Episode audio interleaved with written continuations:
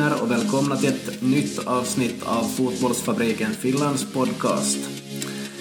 Fotbollsfabriken handlar om fotboll, det är utgångspunkten till allting. Vi tar också upp ämnen som sömn, kost, mental träning, fysisk träning, hälsa, välmående, idrottspsykologi, livet i stort med jobb och vardag och att bli framgångsrik. Vi som gör podcasten är jag, Peter Pesse Sigfrids och min kollega Magnus Manko Eriksson. Vi är två lärare från Vasa som har sysslat med fotboll på olika sätt så långt bakåt vi kan minnas. Vi är här för att utmana oss själva och dela med oss av någonting åt er. Hoppas du har det någorlunda bekvämt, oberoende av om du sitter i lugn och ro eller om du är ute och motionerar just nu. Höj upp volymen för Fotbollsfabriken Finlands podcast. Dagens huvudfokus är den lokala division 4-serien som avgörs på lördag. Vi diskuterar även regeln om att fyra gula kort ger en avstängning och jag kommer att berätta en hel del om det här med att kunna få hjärnskakning från fotboll. Är det farligt att nicka en boll eller inte? Det här är avsnitt 21. Okej, nu har jag Manko med mig här. Hur är läget? Det är riktigt bra tack. Det där äh, börjar bli fredag eftermiddag och, och helgen står för dörren med, med en intressant avslutning av division 4-säsongen och också VPSFC Lahti på agendan ikväll i en viktig match i Utmana-serien. Ja, precis. Äh, imorgon möter Kungliga Vasa Töjby och äh, som några sitt på Instagram så behöver ju mitt lag lite hjälp. Ifall vi vill förlora mot sämsta laget i serien så behöver vi en seger från Kungliga. Så hur är läget i ert lag nu? Eh, det är ju också eh, äh, säsongsavslutning samma kväll så att det betyder att uppslutningen är ju kanske större än på länge med tanke på hur stor trupp vi har så att jag tror att det har inte varit så här bra eh, någonsin under säsongen. Ja, ja, no, det låter ju utmärkt. Så hoppas ni tar tre poäng där och vi ska hålla telefonkontakt med någon, någon i Brändö i alla fall där och följa er match. Ja, och det där, jag kan ju meddela nu redan att den har flyttats till den här Variska planen matchen så att skicka din spion dit i så fall. Okej, okay, det ska jag göra. Det blir alltså gamla Vasa då. Ja, för egen del blir det bussresa till Seinejoki. Vi möter då Sisupallo som bara har två poäng i år, men allt kan hända i fotboll så ingenting är helt klart. Nej, det är ju det och, jag tycker att eh, man får ta hatten av för Sisupallo. Jag har själv inte kunnat medverka i, i någon av våra två matcher mot dem hittills i år, men eh, enligt vad jag hört så försöker de ju ändå spela och fast man ligger under med 10-0 så försöker man ändå spela så att det är ju hatten av att, att humöret inte far och, och sådär att Sisupallo har ju varit uppe ända i division 3 och svänga också.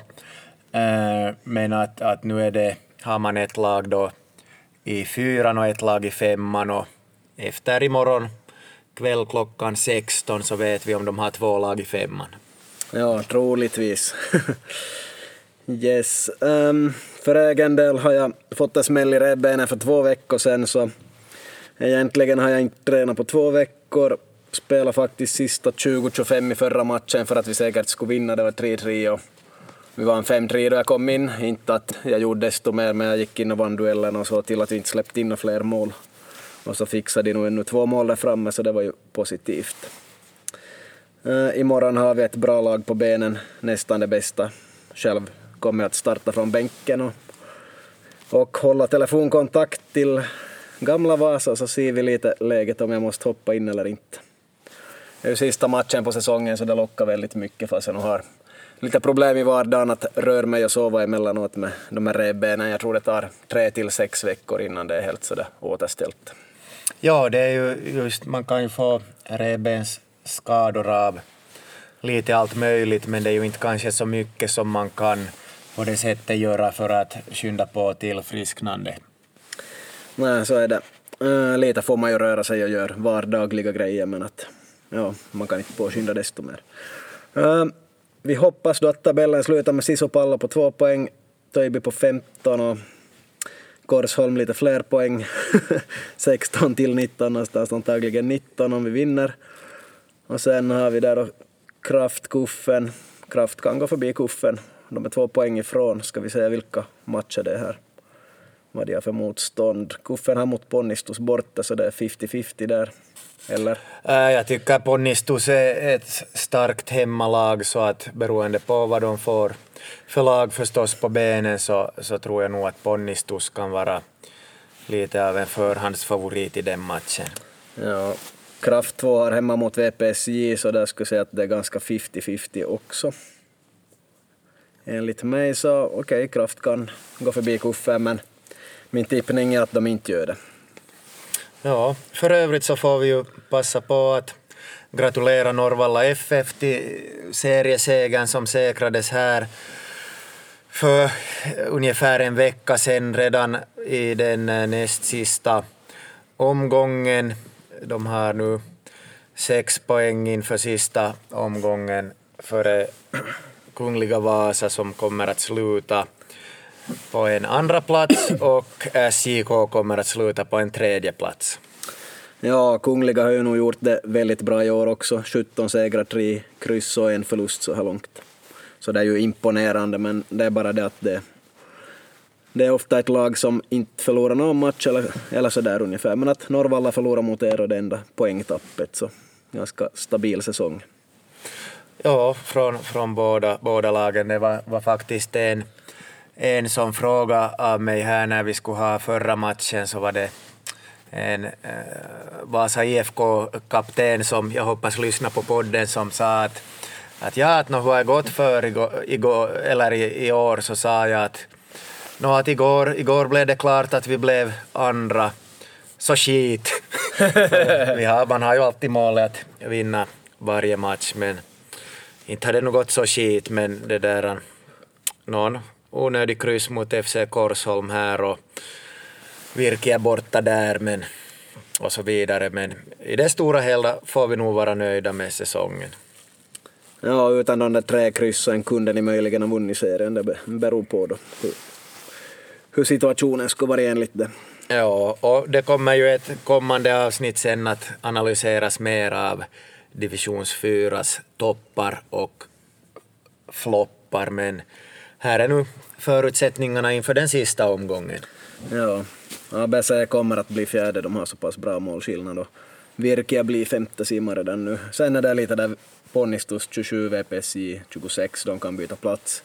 Kuffen, kuffen och Kraft kan byta plats om Kraft tar tre poäng och Kuffen noll. Men att i princip sådär, så blir en intressant lördag imorgon och via Instagram kommer det nog uppdateringar. Yes, eh, det var det mest om fyran där och i målbörsen har vi en Norrvalla-spelare på 40 mål, Kasim Lukman, så han vinner målbörsen. Och Kåre i ert lag ligger bra till för andra platsen på 29 mål och sen har vi någon med 27 mål och 25 mål där så vi får ju se hur det slutar också fast det är nog inte det mest intressanta kanske. Nej.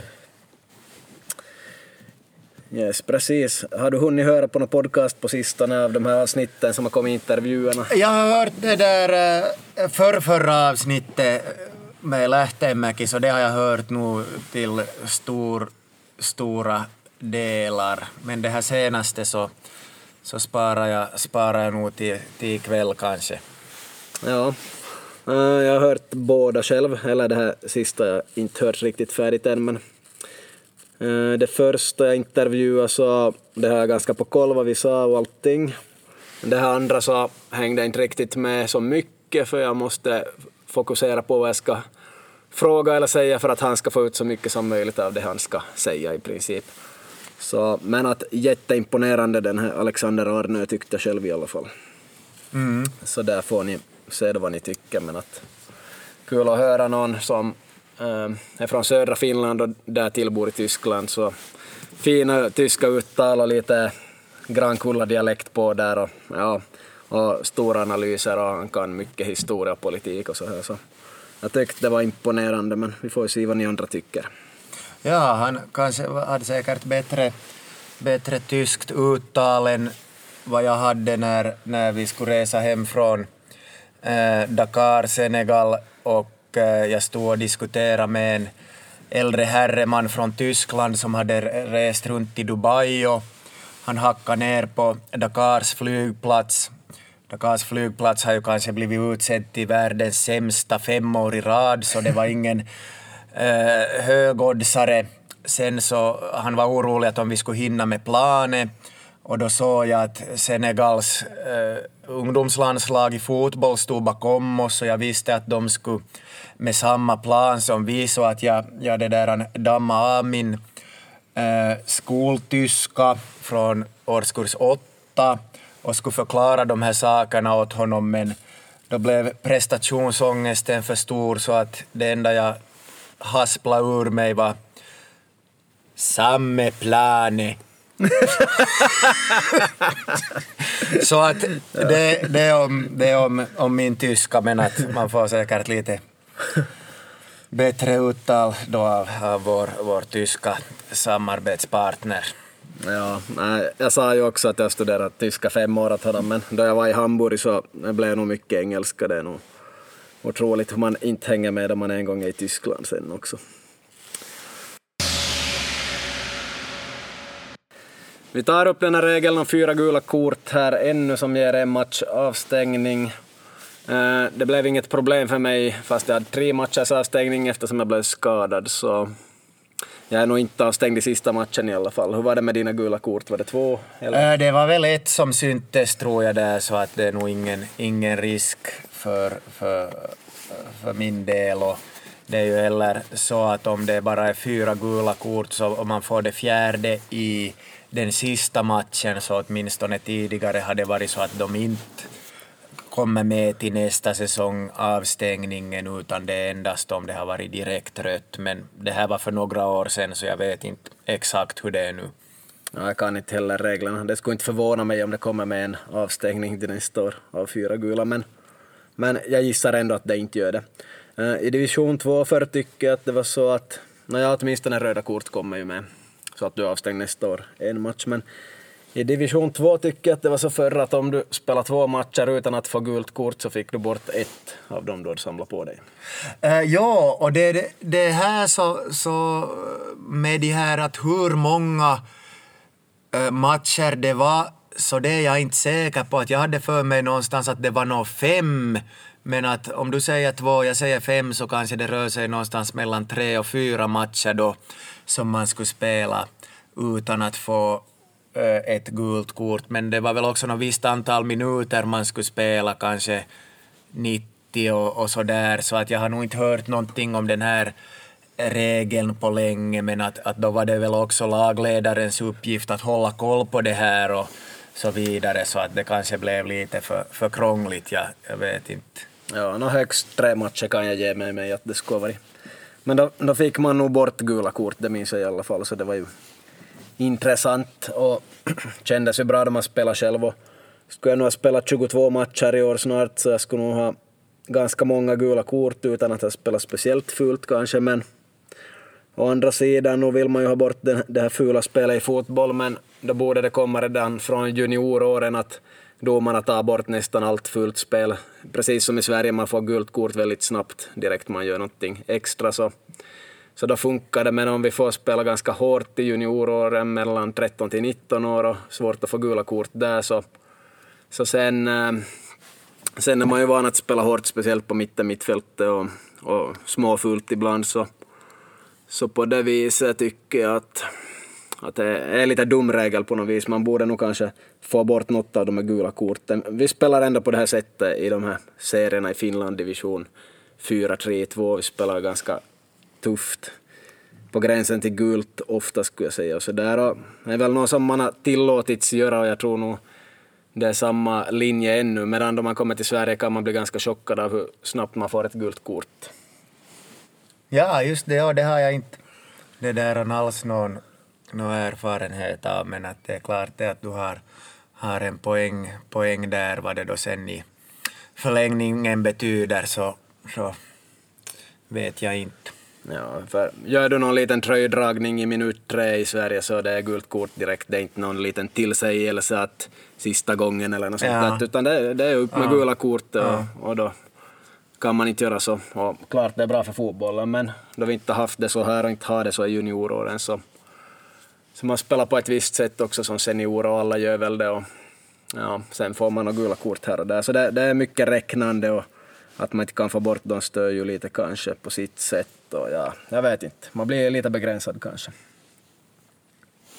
Så det är knepigt. Där vet jag inte vad som är bäst. Gör någonting åt hela systemet med att eh, spela småfullt så att det blir mer som i Sverige.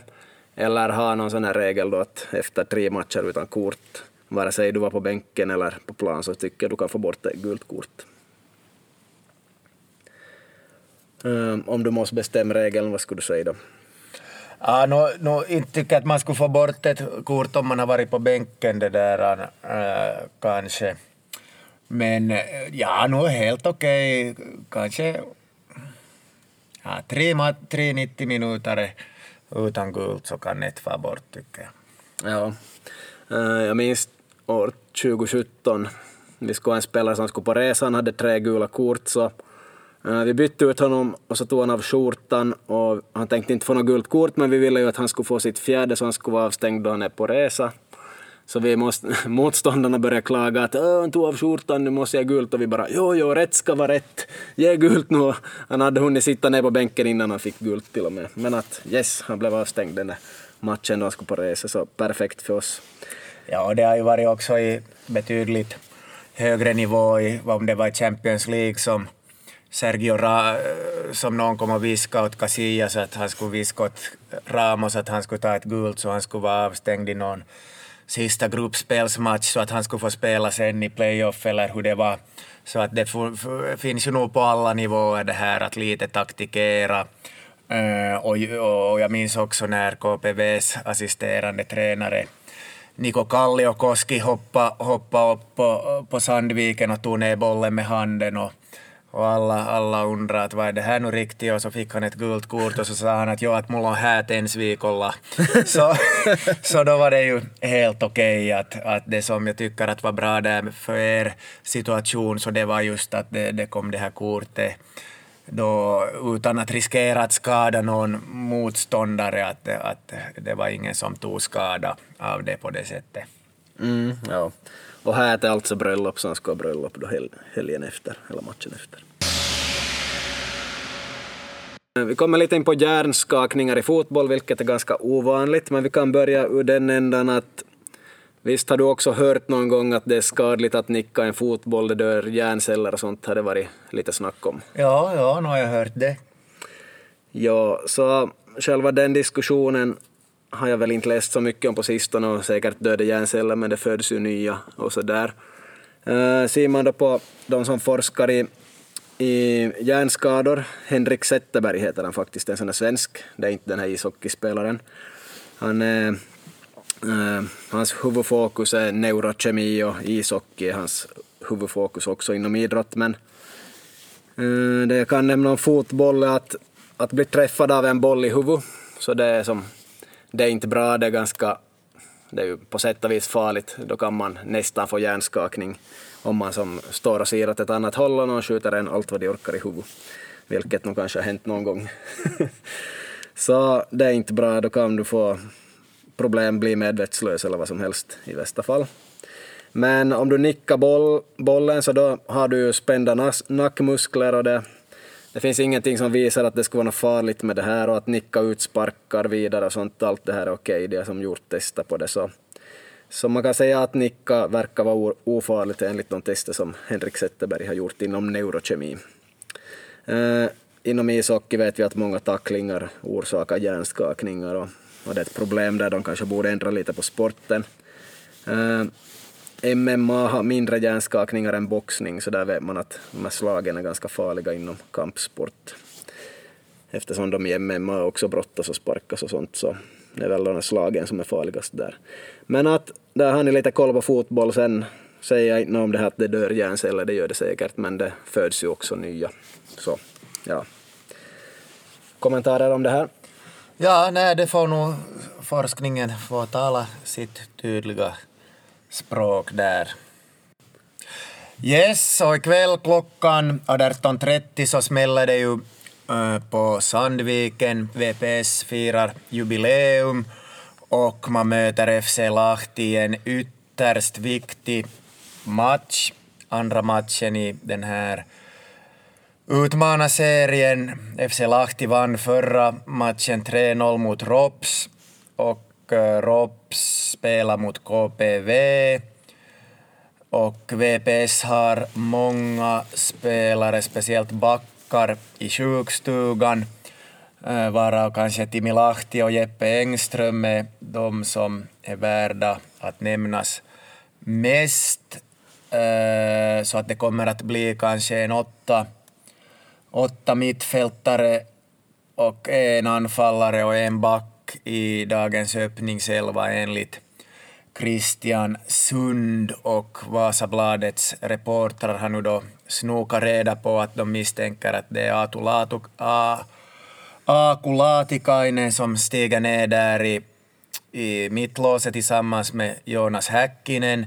Eh, Sund håller sig ändå positiv eftersom han menar att, att man ändå ska sikta på att bli bollförande i den här matchen och att det kan till och med ju bli så att det blir mera eh, och bättre öppningar från, från de här mittfältarna om det är några mittfältare som måste sättas ner på backposition.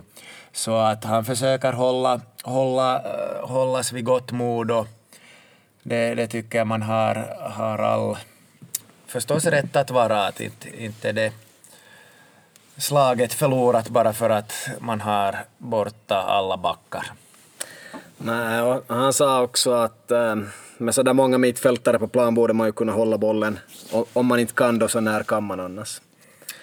Yes, det som jag lite äh, ställde mig frågan efter den här SJK-matchen, så det var ju där man alltså släppte in ett sent kvitteringsmål av den här VPS-dödaren Oleinik eller Oleinik eller vad han heter på en klack äh, när Timi Lahti hade måste utgå skadad och man hade rengjort alla byten. Äh, det som jag själv undrar då är att äh, är det värt att pressa hela matchen så hårt som man gör om det är så att man måste göra tidiga byten så att man riskerar att spela med en man mindre i slutet. Eh, nu kan, såg jag inte hela matchen så jag kan inte säga något om pressen var lika intensiv exakt hela tiden men, men det var nog ganska bra fart på, eller vad såg du matchen? Nej, jag har ganska dåligt koll på VPS för tillfället, mest via media tyvärr. Men att jag kan tänka mig att de pressar högt och hårt och länge så Ja. Det skulle de säkert ha velat göra på slutet också, men det, det gick väl inte då en som annan orsak. Säkert. Ja, ja. Yes. No, men åtminstone så, så viktiga poäng på spel och, och det ser ju läget mycket bättre ut nu än före då matcherna strax innan landslagsuppehållet eftersom man fick den här ett par en vinst och, och det där en kryss här nu då senast, så att det, det blir nog en spännande höst. Verkligen. Eh, jag tror ju nog att KPV lämnar sist och VPS är på kvalplats. Så VPS möter TPS i kval i så fall om man går händelserna i förväg här och TPS slog faktiskt Haka igår med 2-1 här så. Ja, det, jag tror att det var ju den lättaste tippningen i mannaminne eftersom Haka säkra vinsten det där i Jakobstad för, för någon vecka sedan och så vidare, så att den här deras första vinst så, eller förlust så måste ju komma någon gång så att om jag skulle haft några pengar på mitt Veikkaus-account så skulle jag nog ha satt en hacka på TPS där men Ja, låter vettigt. Det, det där, äh, det blev nu så, det är ju alltid som alltid att om man kommer, kommer från en lägre serie och har har en sån här vinnarkultur så, så eh, inte det är alltid så att det högre laget hålls kvar utan det kommer, kommer nog att bli, bli en nagelbitare in i det sista tror jag. Ja, absolut. Viktigt för Vasa att ha ett lag i ligan nu. Den där man inte har det så då, då märker man nog att jaha, Nu är det någonting vi saknar här. Ja.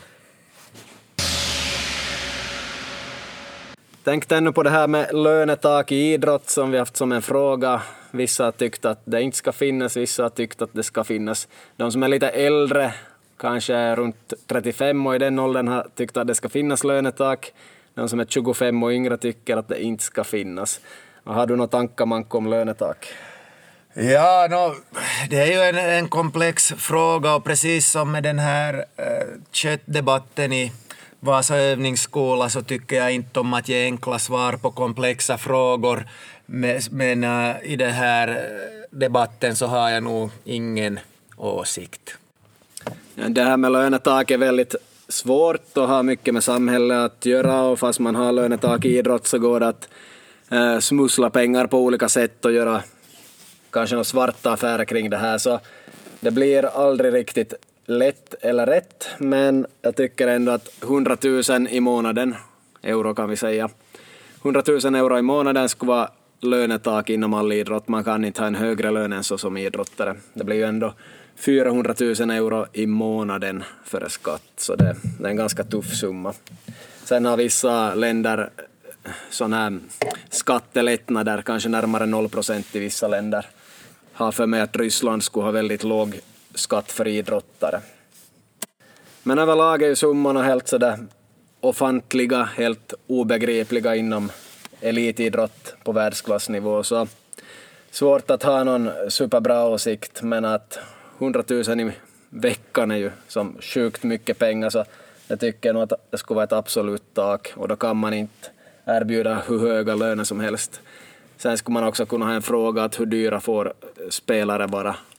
Och redan 100 miljoner tycker jag att det är ett tak som skulle vara nästan för högt. Kanske det skulle kunna vara ett tak på 50 eller 60 miljoner euro. Ska jag säga 55 miljoner euro som tak då på, på vad en idrottare får kosta då den ska flytta till en annan klubb. Men att, ja, det är svåra frågor och reglerna är inte så hemskt begränsade idag och kanske inte kommer att bli det heller. Men ska man ha en åsikt så ska man. Ja, och härmed avslutar vi dagens avsnitt. Vi siktar på att nästa vecka blir det ett längre avsnitt med mig och Manko. Dagens avsnitt gjordes i samarbete med Andreas Knips hembageri.